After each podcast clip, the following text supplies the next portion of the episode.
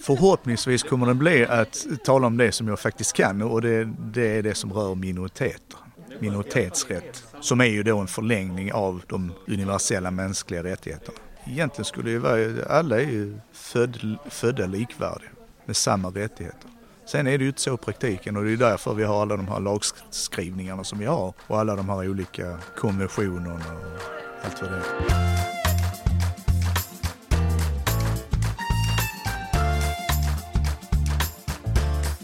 Mänskliga rättigheter gäller alla människor. De bygger på allas lika värde. Så varför behövs då speciella konventioner för vissa grupper? I det här andra avsnittet från Helsingborg Live om mänskliga rättigheter ligger fokus på minoriteterna. Helsingborg Live är ett samarbete mellan Campus Helsingborg och Helsingborgs Dagblad. Jag heter Hedja Velan och leder samtalen. Med på scen finns Jon Pettersson som är verksamhetsledare på Frans Wagner-sällskapet och med finns också Lena Hansson, kommunikatör på biståndsorganisationen Diakonia. Henne får du höra mer av i nästa avsnitt.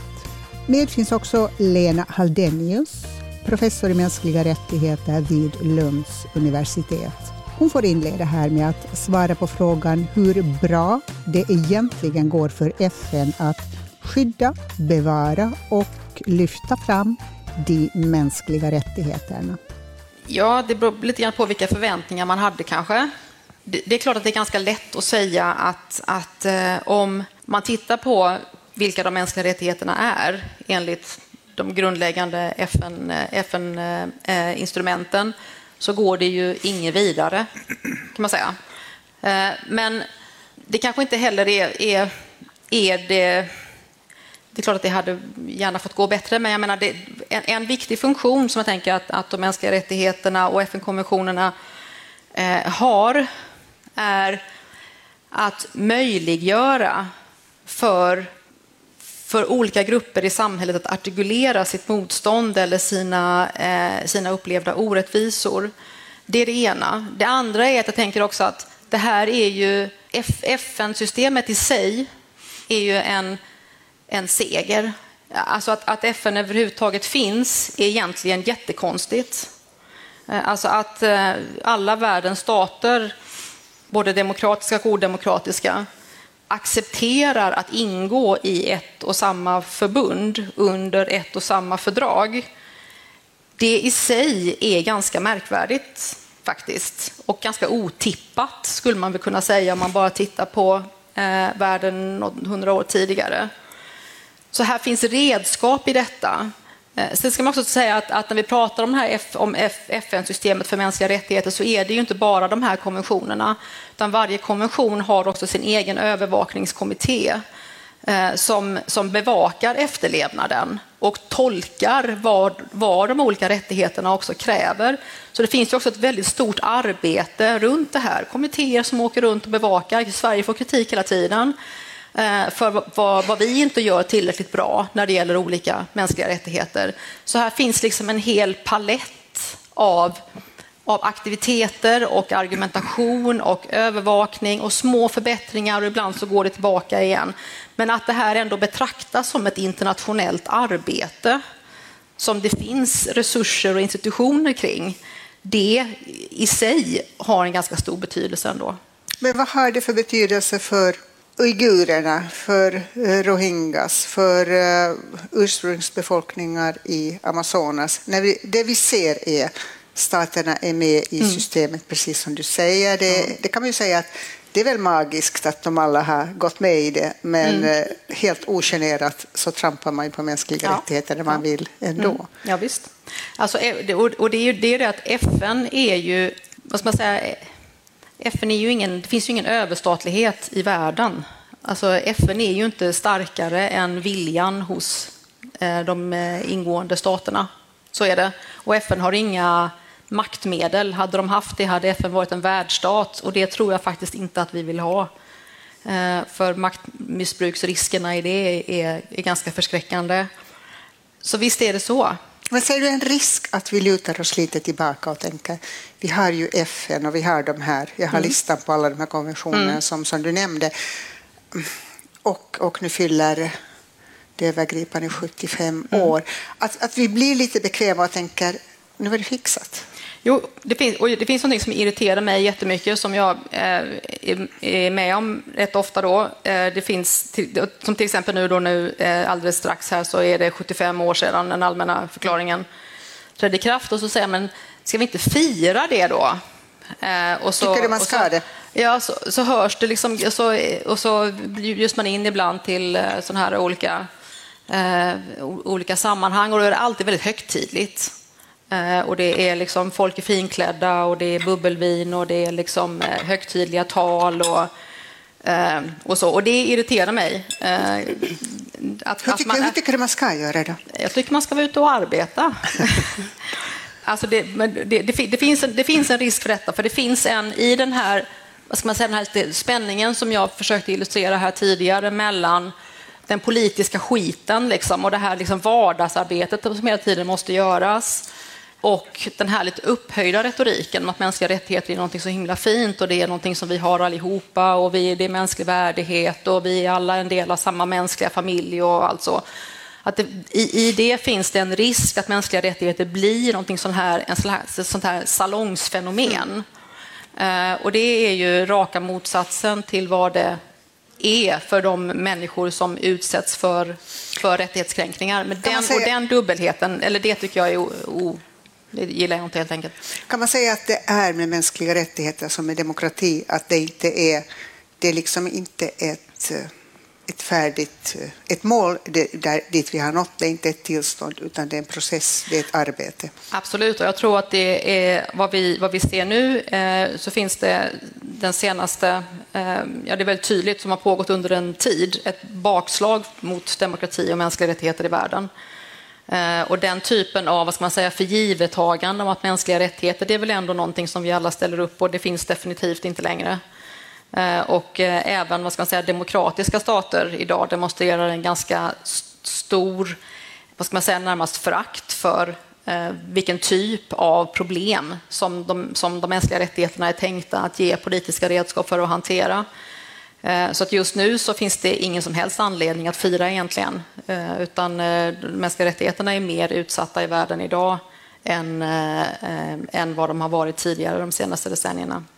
Du sa att, att Sverige brukar få reprimander och så är det ju, men i grunden så brukar vi faktiskt yvas över mänskliga rättigheter. Det, det är ganska liksom, i ordning i Sverige. Men förra veckan, jag såg, tror att ni också uppfattade det i nyhetsrapporteringen, Sannings och försoningskommissionen eh, lämnade över sitt slutbetänkande till kulturministern. Det handlar om kränkningar, det handlar om övergrepp eh, som begicks av staten på 1800 och 1900-talet eh, mot eh, kväner, tornedalningar och eh, lantalaiset, det vill säga eh, minoritetsgrupper i norr som talade eh, olika varianter på meänkieli. Eh, hemska scener om den här försvenskningen har vi kunnat se i rapporten, alltså när man eh, har låst, tagit barn från sina familjer, låst in dem, misshandlat eh, jag tror att ni kanske också många har sett filmen Sameblod, en fantastisk film som är alldeles fruktansvärd om hur man har betett sig mot, mot samer i det här landet. Jon, du är expert på, på resande folket. Den här kommissionen kom, blev du förvånad över något? Eh, nej, eh, det blev jag inte det minsta. Eh, jag har inte läst hela materialet än, men eh, jag har i många år jobbat nu eh, och kommit i kontakt med tornedalingar och dryftat just de här frågorna för att jag själv delar en, en likadan historia i Sverige. Eh, min folkgrupp har blivit utsatta för lik, eh, likadan behandling. Mm. Under 20, 30, 40-talet vill man sätta alla mina släktingar som då levde i kolonier i Skåne. Man har registrerat folk, man har systematiskt steriliserat Eh, män och kvinnor och man har systematiskt omhändertagit barn och placerat från gruppen. Beskriv din folkgrupp. Vi är, som du nämnde tidigare, ättlingar till Peter Franz Wergen, bland annat. Vi är de romerna som man idag säger sedan år 2000. Alltså romanitalande folk som kom till Sverige på 1500 och 1600-talet. Eh, mina förfäder har levt och verkat och varit en bidragande del i samhället i flera hundra år. Och man har levt och haft kontakter och vänskap och man har eh, bildat familjer också med människor ur det svenska samhället. Eh, och så har vi levt. Vi har varit utpekade som en minoritetsgrupp, som något annorlunda det svenska. Men det värsta, den värsta tidpunkten i historien har varit under 1900-talet. Och det värsta som hände då? Ja, det är att man har faktiskt tagit fasta på att peka ut oss genom rasbiologin som en icke önskvärd grupp. Man har förnekat oss vår etnicitet och utmålat oss som en social grupp. Vad kallar ni er själva? Alltså det här, ni är vad man tidigare kallade tattare, tattare. tror jag. Romer kallades zigenare, men när du säger roman folket, vad, ja, vad, vad, sätter vi, vad sätter vi under det paraplyet? Ja, det här med termerna är lite komplicerat, för mm. det, var, det var faktiskt svenska staten i och med minoritetserkännandet år 2000 som satte termen eh, romer. Och det är alltså ett paraplybegrepp som täcker många olika grupper från hela världen egentligen som talar någon varietet av romani. Mm. Och det är alltså inte ett språk utan det är många olika språkliga dialekter och varieteter som har utvecklats från ett historiskt gemensamt språk kan man säga. Eh, I Sverige eh, så kallar vi oss för resande själva som en ganska anonym eh, beteckning för att i historiska lagskrivningar och så, så var det förbjudet för det som man sa då tattare eller zigenare, som var synonymer, att ens finnas i Sverige. De skulle deporteras från landet och därmed så har man konsekvent eh, förnekat att man är då tattare eller zigenare eh, och kallat sig för resande folk helt enkelt. Eh, på vårt eget språk då som, är rom, som heter romani, svensk romani, som till sammansättningen påminner lite om jiddisch med en svensk grammatisk bas kan man säga till hög del och med ett, ett vokabulär som då härrör ända bort från Indien men även från grekiska och persiska och lite många olika språk som man plockat upp längs vägen. Eh, eh, det har vi eh, talat och utvecklat i Sverige under flera hundra år. Det här språket och vi har med det fortfarande. Så att säga. När de nationella minoriteterna skulle få sina rättigheter, man valde ut de här minoritetsspråken, då handlade det om att man skulle ha funnits jag tror att det var mer än hundra år i, i landet eller någonting sånt. Det fanns några sådana här mm. begränsningar av det. Det, det är romani som då, romani chib, alltså mm. det finns flera romani-språk. Hur, hur valdes det här? Du är språkexpert. Ja, alltså eh, regeringen gjorde den bedömningen att det, det, det var minoriteter och minoritetsspråk som hade funnits i Sverige före sekelskiftet till 1900-talet. De uppfyllde själva villkoren, grundvillkoren för att kunna anses vara nationella minoriteter och minoritetsspråk i Sverige. Och det hänger ihop då med att man ratificerade Europarådets eh, eh stadga om eh, landsdels och minoritetsspråk och eh, själva ramkonventionen till skydd för minoriteter. Och då sätter man de här begreppen, romer och romani chib, som paraplybegrepp för egentligen alla olika grupper och språk som kan kännetecknas mm. som romer eller romani.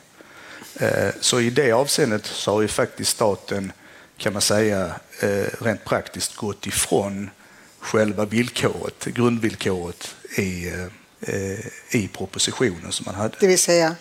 Att man skulle funnits i landet före 1900-talets början. Vad spelar den här minoritetsspråksreformen för roll om man är en minoritet? Jag skulle säga att det är väldigt, väldigt viktigt och symboliskt viktigt för att det ger en form av ett erkännande för mig personligen eller för det språket jag har. Vi har blivit utmålade som eh, Eh, att vi talar ett förbrytarspråk, vilket absolut inte är fallet. Eh, men vissa tror på det fortfarande idag. Eh, så genom de reformer och de satsningar som görs idag så får vi ändå ett form av ett erkännande. Vi får en plattform där vi kan verka och vi får resurser där vi kan faktiskt ta tillbaka språket. För det är väldigt många som har tappat bort sitt språk. De barnen som tvångsplacerades i, i fosterhem och hos fosterfamiljer så här i, under flera årtionden kunde inte växa upp och tala sitt språk naturligt utan kanske kunnat lära sig en del på senare tid. Och eh, det vet vi alla som har lärt oss ett språk. Eh, det var lättare att lära sig kanske engelska i skolan än lära sig spanska när man är lite äldre som jag är nu. eh, och där har vi väldigt stora utmaningar. Mm. Eh, men våra public service-bolag har varit väldigt eh, bra för att de har eh, gjort flera olika satsningar som har varit bra och kvalitativa. Och det ger liksom en form av ett erkännande för språket. Jag tänker att det finns ju ganska klara paralleller till de här eh, meänkielitalande grupperna som alla har det, det, är på något vis försvenskningen som har mm. blivit diskrimineringen. Tänker jag rätt då? Ja, man skulle tala svenska och ingenting annat. Jag tittade på, du har en utmärkt sajt eller din, din, organisation. Redan tidigt visste jag att vår familj på något sätt var annorlunda. Det språk som talades i hemmet fick inte yppas utanför dörren. De vuxna sa att vi var resande men det skulle hållas hemligt för utomstående så istället kalla, som istället kallade oss tattare. Alltså känslan i detta. Hur är det att växa upp i en sån känsla, tänker du? Ja, det är svårt att, svårt att beskriva men det är som man måste hela tiden gå och dölja någonting.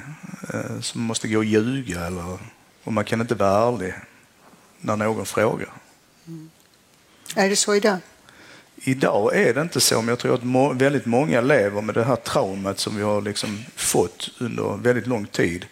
Så att man fortfarande kanske har svårt för att eh, liksom säga det om någon frågar. Och det, jag kan säga att jag kan ibland komma på mig själv att om någon som inte vet vem jag är eller så frågar vad jag jobbar med och det här som jag gör, jag är en offentlig person, att det ändå blir någon, no, någonting i ryggraden som liksom sitter som man måste lossa för att säga det.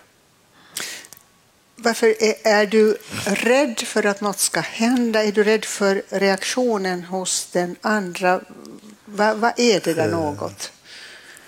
Idag är jag överhuvudtaget inte rädd, eh, men min erfarenhet är, för det första är jag fostrad så på det sättet att man ska aldrig någonsin nämna det för någon utomstående om sin bakgrund. Men sen är det också så vad jag har, eh, jag spelar till exempel golf här uppe på Vasatorp och eh, då har jag träffat lite olika, många olika trevliga golfare som man gör och skriver in sig i systemet och bara går ut i en boll. Eh, och då har jag träffat en del personer som jag har eh, blivit väldigt bra, god vän med, tycker jag. Och så går man och pratar om allt mellan himmel och jord och efter några gånger så kanske man börjar prata om det här med arbete. Och då börjar jag berätta vad jag gör och så. Och när jag då nämner, så fort jag nämner att jag då är, tillhör minoriteten romer, så ser jag ganska ofta på folk att det händer någonting i deras beteende. Det liksom glänser till i blicken på dem och sen så beter de sig annorlunda än innan jag nämnde det. Och vad tänker de då? Nej, jag bara tycker det är sorgligt för att eh, men där är så gamla och djupt rotade fördomar och föreställningar som är kopplat till de här begreppen. Och jag vet att det har ingenting med mig som person att göra, utan det är de här fördomarna. Känner man, sig, känner man samhörighet inom gruppen? Är romer likadana? är ju en dum nej, fråga. Vi är inte likadana. har man, nej, men har man viss, finns det saker som kopplar en samman som är viktiga och skiljer romer från andra?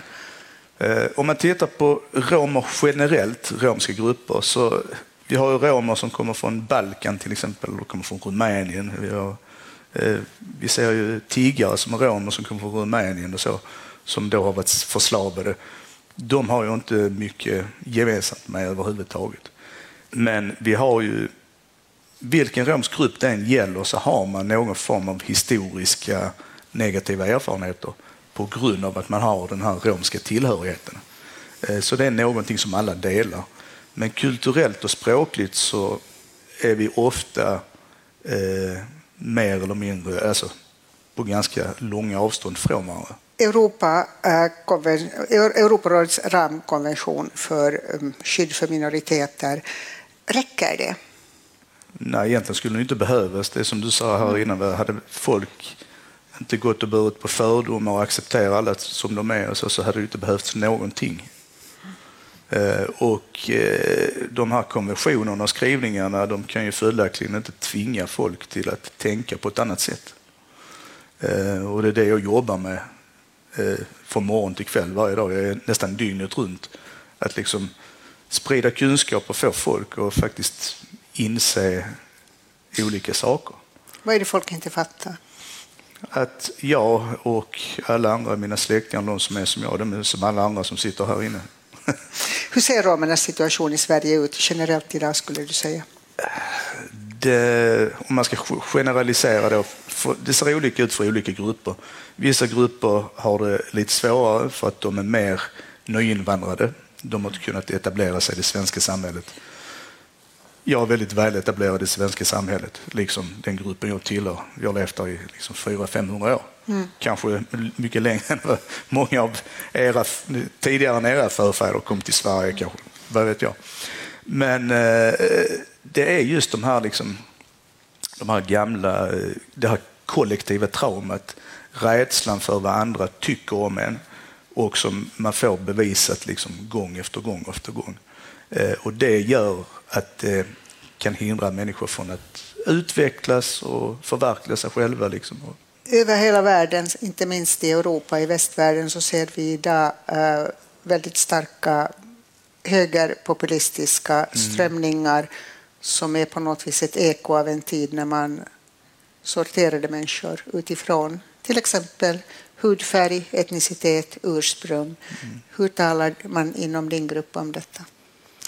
Ja, det, jag vet ju att det är många som säger till mig, släktingar, inte sluta med det du håller på med, stick inte ut, pratat om det och sådär. För de kommer igen liksom så som det var förr och det går tillbaka till det gamla. Eh, så det finns en rädsla eh, för hur framtiden ser ut faktiskt. Känner du igen det, Lena, den rädslan? Eh, ja, absolut. Jag tror att det finns en, en, en förnyad rädsla bland ganska många grupper eh, nu Eh, som jag tycker att man ser i, i, eh, generellt i världen. Det finns en, en hårdnande attityd gentemot eh, minoriteter. Det finns ett misstänkliggörande av, av grupper, alltså såna här gamla föreställningar. Man associerar vissa grupper med kriminalitet eller oärlighet. Vi har en diskussion här nu i Sverige idag om att man ska kunna utvisas på basis av dålig vandel. Alltså att det finns något slags nytt slags sån här skötsamhetsideal som också går in i en, en väldigt märklig föreställning om att, om att eh, ska man leva i Sverige så ska man vara redig och man ska sköta sig och då, och då, då polariseras det till ett misstänkliggörande av, av eh, grupper som man inte associerar som riktigt svenska. Eh, och så blir det här en, en slags... Eh, det, det, det, det exploaterar för politiska syften gamla fördomar och föreställningar om olika, om, om, om, olika grupper, helt ogrundade. Precis den typen av föreställningar som har legat till grund för historiskt förtryck får nu fått en slags ny politisk aktualitet som en del av ett politiskt, av, av ett politiskt program eh, som är, eh, som, som är väldigt, väldigt oroväckande.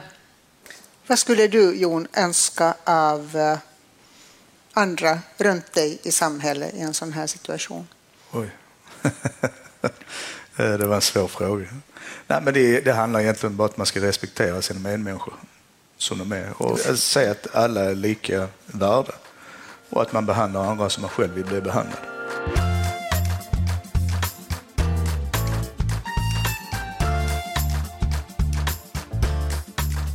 Samtalet om mänskliga rättigheter fortsätter i en tredje, sista del från kvällen Där berättar Lena Hansson, kommunikatör på biståndsorganisationen Diakonia, om sina upplevelser på Gaza strax före kriget.